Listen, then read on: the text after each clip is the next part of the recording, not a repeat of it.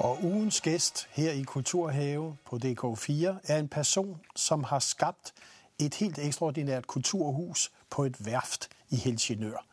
Og han kommer her for at fortælle os, hvilke visioner der lå bag, og hvilke visioner der ligger forud.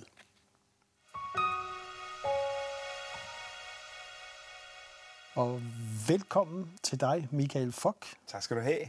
Chef for Kulturværftet på Helsingør. Mm-hmm. Den ligger på det gamle værft lige ved siden af Kronborg. Meget smukt. Ja. Og Søfartsmuseet, der er det mange ting. Ja. Men Kulturværftet er jo et helt anderledes kulturhus end, alle, end mange andre i hvert fald. Altså, øh, vi har jo både et øh, kulturværft og et tolkammer, skal jeg lige huske at sige. Øh, og øh, kulturværftet åbnede vi jo faktisk for, for lige for knap 10 år siden. Vi er, og lige om lidt har vi jo jubilæum øh, på det gamle værft, som man jo i flere år havde gået og spekuleret over, hvad delen man skulle bruge til. Og så var der nogle klare, synede politikere, der tænkte, måske skulle vi bruge det her til kultur. Øh, og det var så det, man valgte at gøre. Man byggede det simpelthen om i, og åbnede det i 2010 med teatersale, musiksale og bibliotek, øh, med et lille værftsmuseum. Senere hen så åbnede man øh, hele Kulturhavn Kronborg Pladsen, øh, og et års tid efter igen åbnede vi, øh, eller blev Museet for Søfart åbnet. Så det hele det her, der hedder Kulturhavn Kronborg, som jo er et kæmpe område oppe i Helsingør, der er blevet sådan iscenesat nu som et stort kulturområde. Og jeg kan huske, da Kulturværftet åbnede, så sagde alle, kan vide, om det holder et par år eller tre, men der var ikke de store odds der, fordi Nej. hvordan skulle det kunne komme til at køre og så videre. Ja. I dag, her, næsten 10 år, der er det jo også en stor, stor succes. Ja. Nu tænker jeg sådan rent publikumsmæssigt også. Jo, jo, det er det. Ja. Det er blevet meget stor succes, og, og, og vi var jo også selv, altså man kan sige, alle var jo i tvivl, og øh, vi regnede med, altså for kommunen var det jo sådan set øh, bemandet op med, men man regnede med, at vi skulle være omkring 10, og i dag er vi jo, hvis man ser på øh, spisehuset og 12-kammercaféen og alt det der omkring, omkring 70 mennesker, der arbejder der. Og vi har mange, mange hundrede arrangementer om året, og der løber jo omkring 800.000 mennesker igennem øh, huset.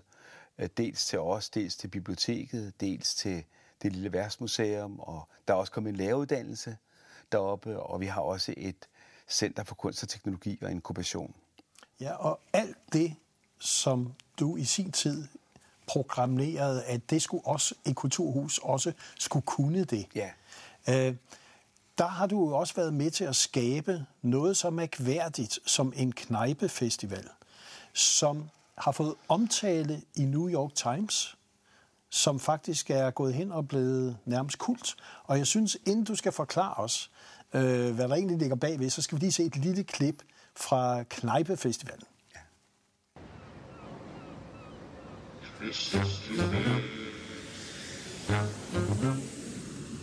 Mm-hmm.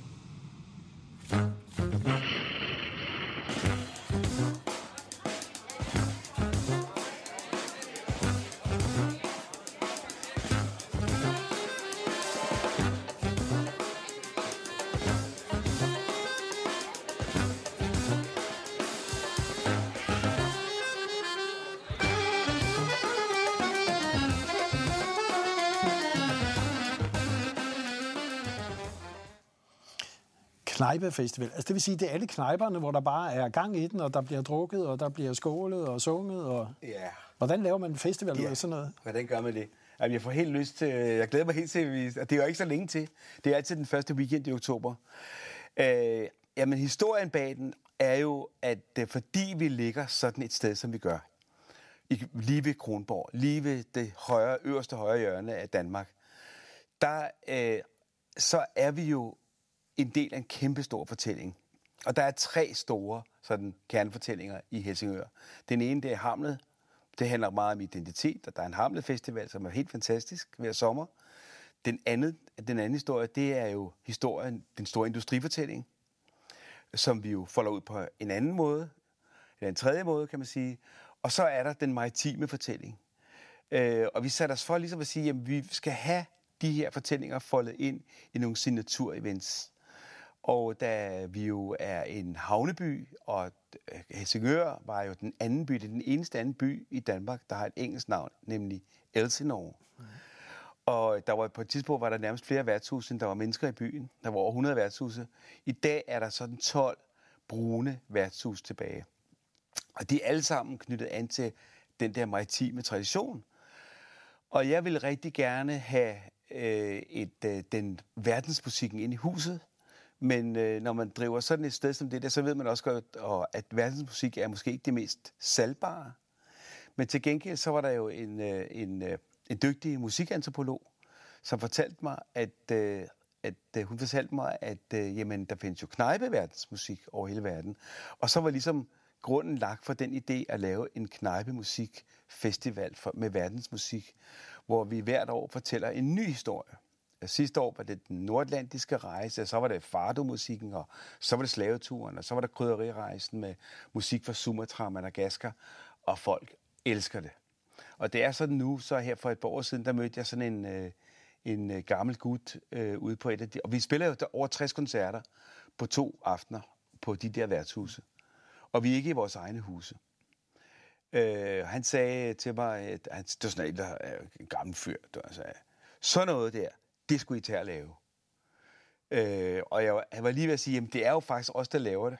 Men så tænkte jeg, ej, det er måske den største succes, man kan få, når folk, når byen egentlig har taget det sådan til sig på den måde. Fordi det er jo sådan en fortælling om, hvordan at en fortælling eller et narrativ kunne gå ind øh, og rammer byen DNA.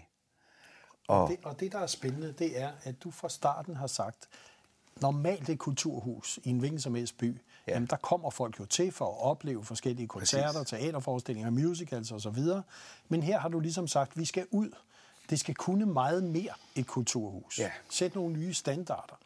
Så, så det er ligesom, der er jo noget, der er meget folkeligt her, og så er der også noget i et andet spektrum, som du laver, som jo er en helt anden boldgade. Øh, hvor man kan sige, at du laver scenekunstproduktioner internationalt i 4D-boksen, ja. som det hedder. Kan ja. du ikke lige sætte et par ord på, hvad det er? Altså, øh, man kan sige, det er jo så, hvis jeg lige skal gå spole tilbage, så kan man sige, det er, den, det er jo den anden store kernefortælling, nemlig at vi er jo et gammelt skibsværft. Så da vi rykkede ind, inden vi åbnede op, der lavede jeg noget, jeg kaldte et kulturkompas. Og det var egentlig for at få et fælles brug for, hvad fanden er det egentlig for nogle historier, vi fortæller? Hvad er det for nogle kernefortællinger? Hvordan folder vi dem nu? Hvordan, bliver vi, hvordan skaber vi fællesskaber? Hvordan gør vi borgere og billetkøbere til medoplevere, medfortællere osv. osv. osv. Og den tredje, den anden fortælling der, den om industrifortællingen, den skulle så have et udkomme. Og det oversatte vi så til en, øh, vi kaldte det en innovationsfortælling. Og så kunne vi jo godt se, at der var så meget med te- nye teknologier i verden, som var, og jeg kommer selv som en, fra en baggrund som sceneinstruktør, og har arbejdet meget med nye teknologier, og synes, det er vildt spændende. Så det vi gjorde, det var, at vi sagde, jamen, den formel, vi vil bruge omkring øh, den festival, som så hedder Klikfestivalen, det er egentlig at sige, jamen, øh, hvis, man, hvis, man, hvis ikke vores teknologier skal ende med at okkupere os fuldstændig, og det gør de jo. Vi har dem i lommerne, de ringer selv til os, de aflytter os, hvor vi er at vide, og vi, der er sikkert også mange ting, vi ikke har fået at vide endnu, omkring de der algoritmer, der kører ned i vores lommer. Hvis ikke de skal okkuperes fuldstændig og kun handle om at få os til at forbruge mere, så bliver vi nødt til at smide en ordentlig skruenøgle ind i den maskine, og den bedste skruenøgle, det er kunstnere. Så den festival er egentlig bygget op på den måde, man siger, jamen, de nye teknologier skal udfordres af nye, fantastiske, danske og internationale kunstnere, som går ind og tager fat i de nye teknologier og bruger dem kunstnerisk i helt nye formater. Og der har vi altså både installationskunst, performancekunst, øh, musik, vi har talks, vi har workshops, vi har alt muligt, øh, der kører inde i den der festival. Og jeg synes, vi lige skal øh, give seerne en mulighed for at se bare en lille bid af en scenekunstproduktion ja. i 4D-boksen, der viser sådan lidt om, hvordan I samarbejder nationalt og internationalt. Den kommer ja. her.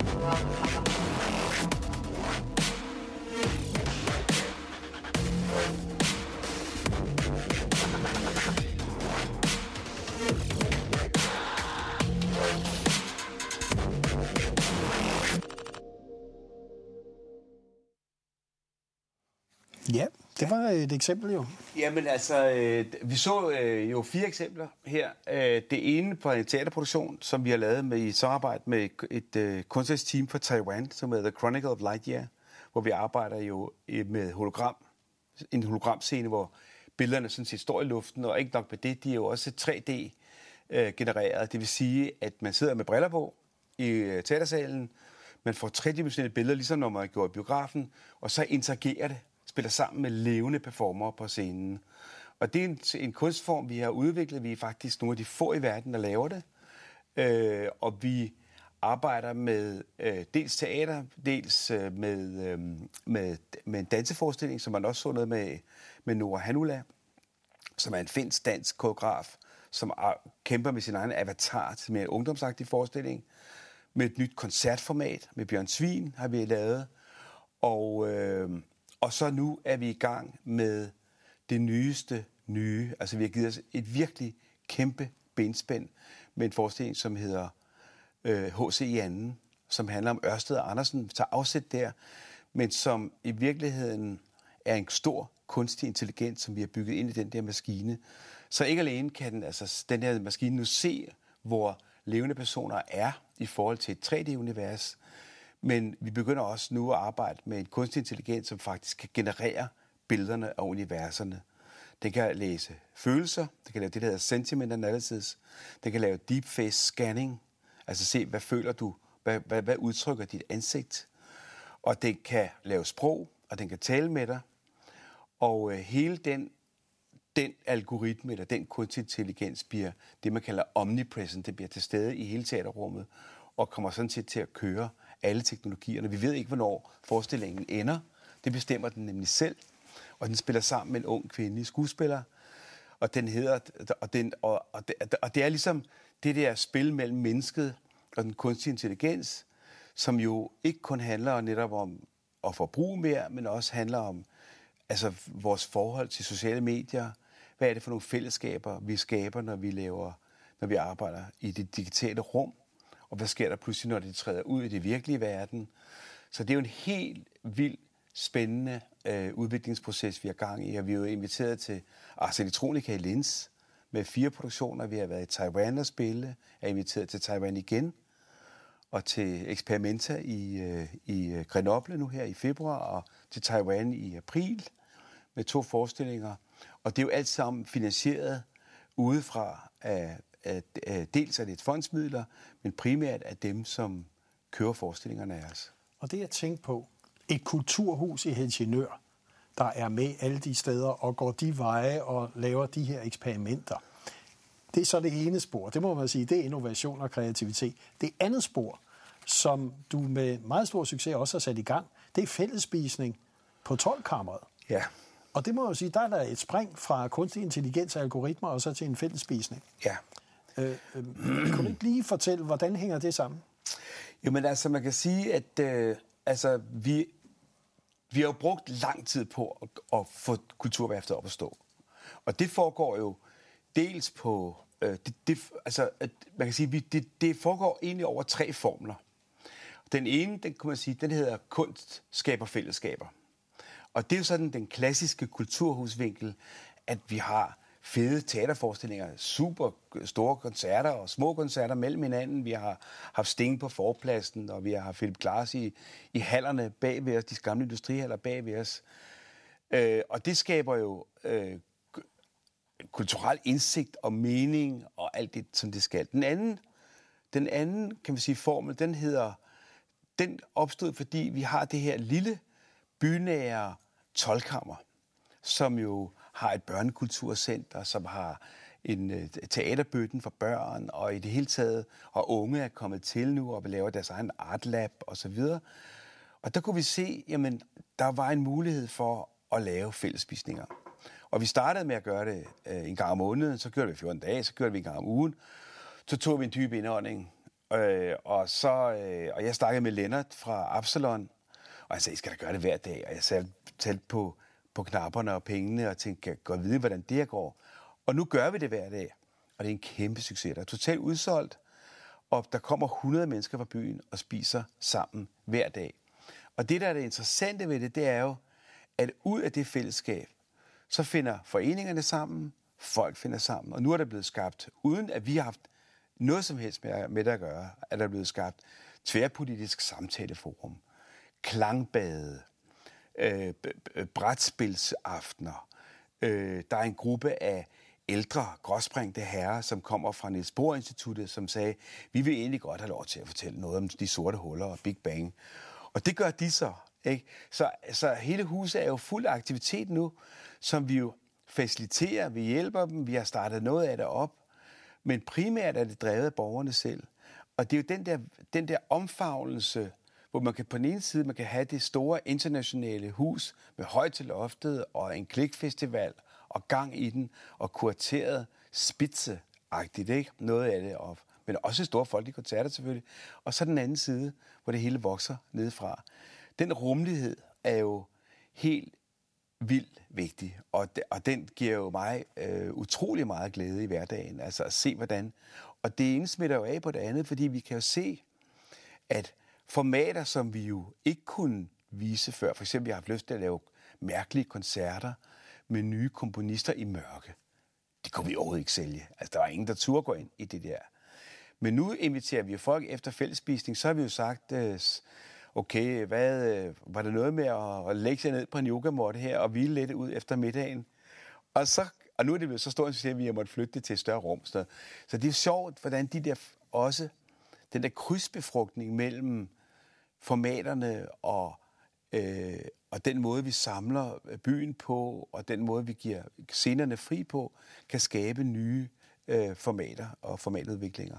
Og en af de kan man sige, meget, meget innovative formater, I har skabt. For det kan man sige, fællesspisningen er i den ende. Ja. Det var så, og er Klikfestivalen, som jo er blevet en art, kunst og teknologifestival, ja. Som faktisk virkelig giver genlyd, ikke bare i Danmark, men også internationalt. Jeg synes lige, vi skal se et lille klip her fra Klikfestivalen.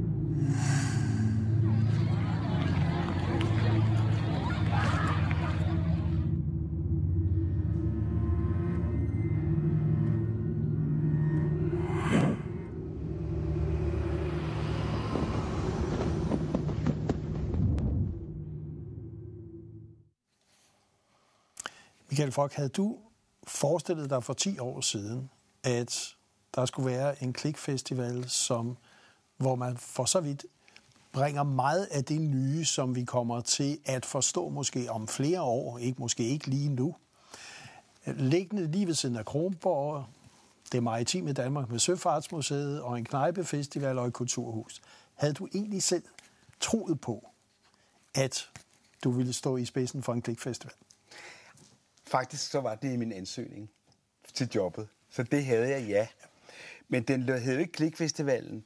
Og, øh, og det, der var mit håb, det var jo, at vi kunne, vi kunne arbejde med noget mere med kant. Ikke? Og det første år, vi lavede den, der hed den jo bare Klikfestival The Ear and the Eye, og var DJ's og VJ's had sat tilfældigt sammen. Det var sjovt, og det var bare en aften. Og så blev den The Ear, the Eye and the Hand, så kom der performance ind i den. Så næste år hed den The Air, the Eye, the Hand and the Heart. Og så blev det svært. Fordi pludselig handlede det jo om samvittighed. Og så blev den politisk, og den blev jo meget politisk, fordi pludselig så fandt man ud af, at NSA, de aflyttede os, og der var hele det der internet brag, altså genlyd, hvor man fandt ud af, at vi var jo bare i den grad overvåget, øh, uden vi ville det.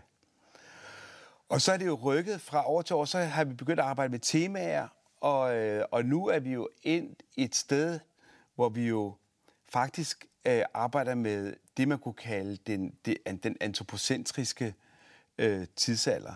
Det må du lige oversætte. Og det er jo det der med, at mennesket er i centrum. Altså det der med, at vi har sat os i centrum på biologi, på geografi, altså på hele, i hele verden, som et, et, ser vi jo stadigvæk mennesket som det alt sådan centrumsøgende væsen, der har lov til at gøre alt. Og den regning betaler vi jo nu. Så man kan sige, at Klikfestivalen er jo inde i hele det felt, der handler om, hvordan løser vi de her ting. Og det ligger jo virkelig kunstnere på scenen at gå ind i de der teknologier for at finde ud af, hvordan forholder vi os til den nye biotek? Hvordan gør vi de nye teknologier som kunstig intelligens? Øh, gør vi dem åbne for publikum, så alle mennesker kan forstå, hvad, hvad det her handler om. Og det er det, Klikfestivalen i virkeligheden handler om. Jeg tænkte på, hvilken betydning har det her haft for Helsingør, for borgerne, for kommunen? Fordi der har jo været kolossale investeringer i kultur. Måske er Helsingør den ja. kommune, der har investeret mest i kultur. Ja. Hvordan vil du sige i dag, sådan når du kigger tilbage, er forståelsen og opbakningen til kulturværftet? Ja, altså i dag vil jeg sige, der er den der. Da vi åbnede, var der demonstrationer ude foran kulturværftet. Øh, I dag er der ikke nogen, der ikke synes, at kulturværftet var en god investering. Det er der ingen tvivl om. Og jeg kan også se det på en anden måde, fordi da vi kom, der var et hotel som Marienlyst, det var faktisk på konkursens rand. Og de havde meget, meget svært, jeg ved ikke, om du kan huske det, men de havde virkelig, virkelig svært ved at få det til at løbe rundt, og det var ved at gå på, på røven. Så kom der nogle nye investorer ind, og her forleden dag blev det solgt for en halv milliard. Og er blevet og, og, det, og bestyrelsesformanden sagde jo også direkte, at hvis ikke det havde været for Kulturværftet og Kulturhavn Kronborg, var den investering aldrig gået hjem. Så selvfølgelig betyder det noget. Det betyder noget for erhvervslivet, og det betyder noget for hele den måde, at kommunen tænker sig selv på nu. Altså man har skabt det, der hedder Catch, også nu, som er en udløber på en måde fra Klikfestivalen, hvor man skaber inkubation mellem nye teknologier og erhvervslivet og kunstnere. Så der er rigtig, rigtig meget gang i den, og det har betydet meget for, tror jeg også, man må sige, for Helsingørs selvforståelse, at, øh, at man har fået den her enorme, lavet den enorme satsning på kultur. Det er der ingen tvivl om. Og, og jeg synes lige, vi skal se et, et lille eksempel på Chronicle of the Year, som du har nævnt et ja. par gange, som en af de store produktioner, som jo egentlig skal fortælle og gøre kulturværftet synlig, både nationalt og internationalt. Det kommer her.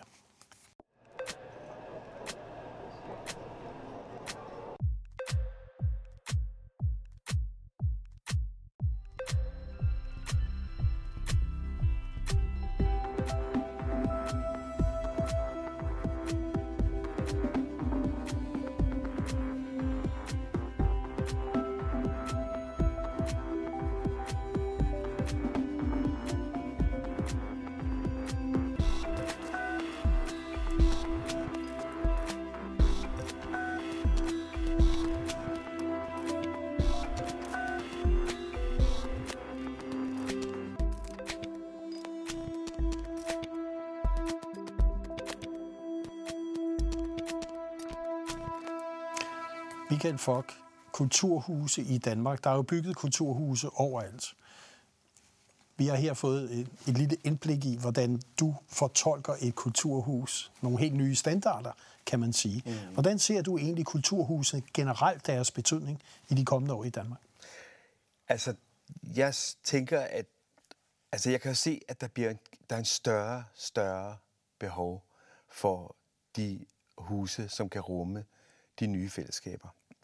Og kulturhusene har jo en mulighed for at gøre det her, og gøre det i meget høj grad. Mange af dem er meget forskellige, men kulturhusene kan i fremtiden jo øh, være bære af, fordi de netop rummer alle de forskellige kulturer, de har alle de der forskellige discipliner, alle forskellige kunstarter inden i sig, og de kommer til at betyde også i forhold til de udfordringer, som der ligger i forhold til det sociale, til integrationen, til unge, der kan kulturhusene komme til at betyde en enorm øh, stor betydning øh, fremadrettet. Og det vil sige, at, at det for så vidt går fra, at vi skal bare have et kulturhus, fordi vi skal underholdes lidt, til at blive en vigtig spiller i udviklingen overalt i Danmark. Man kunne sige hele samfundsudviklingen. Er kulturhusene parat til det ansvar, som du siger? Altså, vi prøver nu at, altså, vi prøver at være parat, parat til det, og jeg mener, der sker rigtig meget udvikling på kulturhusområdet. Vi, øh, vi indkalder jo til dialogmøde her i den 18. november mellem kulturhusene, både de små, de mellemstore og de store kulturhuse, for at se på, hvad er det for nogle udfordringer, der er i samfundet lige nu, og hvordan kan vi være med til at løse den? Hvordan løser huset dem derude nu? Og kan vi på en eller anden måde komme op på en fælles klinge, hvor vi kan se, tegne det der kort over det landskab, der er øh, nu, både på udfordringssiden, og der er jo mere end nogensinde behov for at komme ud af de, det, man nogen kalder for de asociale medier, ind på de levende scener. Forstå, at de der kulturhuse er faktisk steder, man kan bruge som borger og blive medborger og medfortæller inde i de lokale rum. Og, øh, og, men også få bruge de der huse til egentlig at få den internationale inspiration og, og, og knytte de der fødekæder sammen mellem den unge generation, som har viljen og, og, og de kunstneriske uddannelser og føre dem ind på scenerne og videre og videre ud i verden.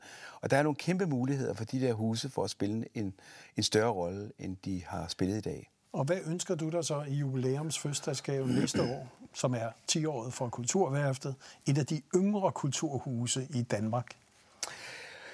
Jeg ønsker mig, at, øh, at vi kan komme fri af den, øh, af den der silotænkning, eller den der, den der, de der politiske ekokammer, vi har i, øh, i landet.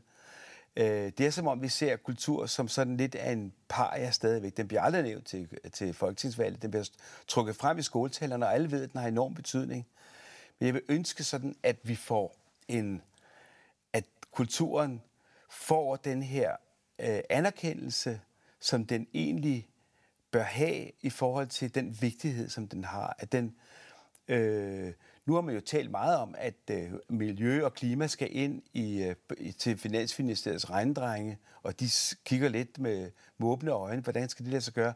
Men jeg mener i virkeligheden, at kultur er jo, skal jo være i alt. Måske er vi nået til det punkt, hvor man skal holde op. Altså selvfølgelig har, er det godt, at vi har et kulturministerium, men i virkeligheden er det jo det kit, der binder os alle sammen sammen. Det er det, der skaber identitet, sammenhængskraft og mening i vores samfund.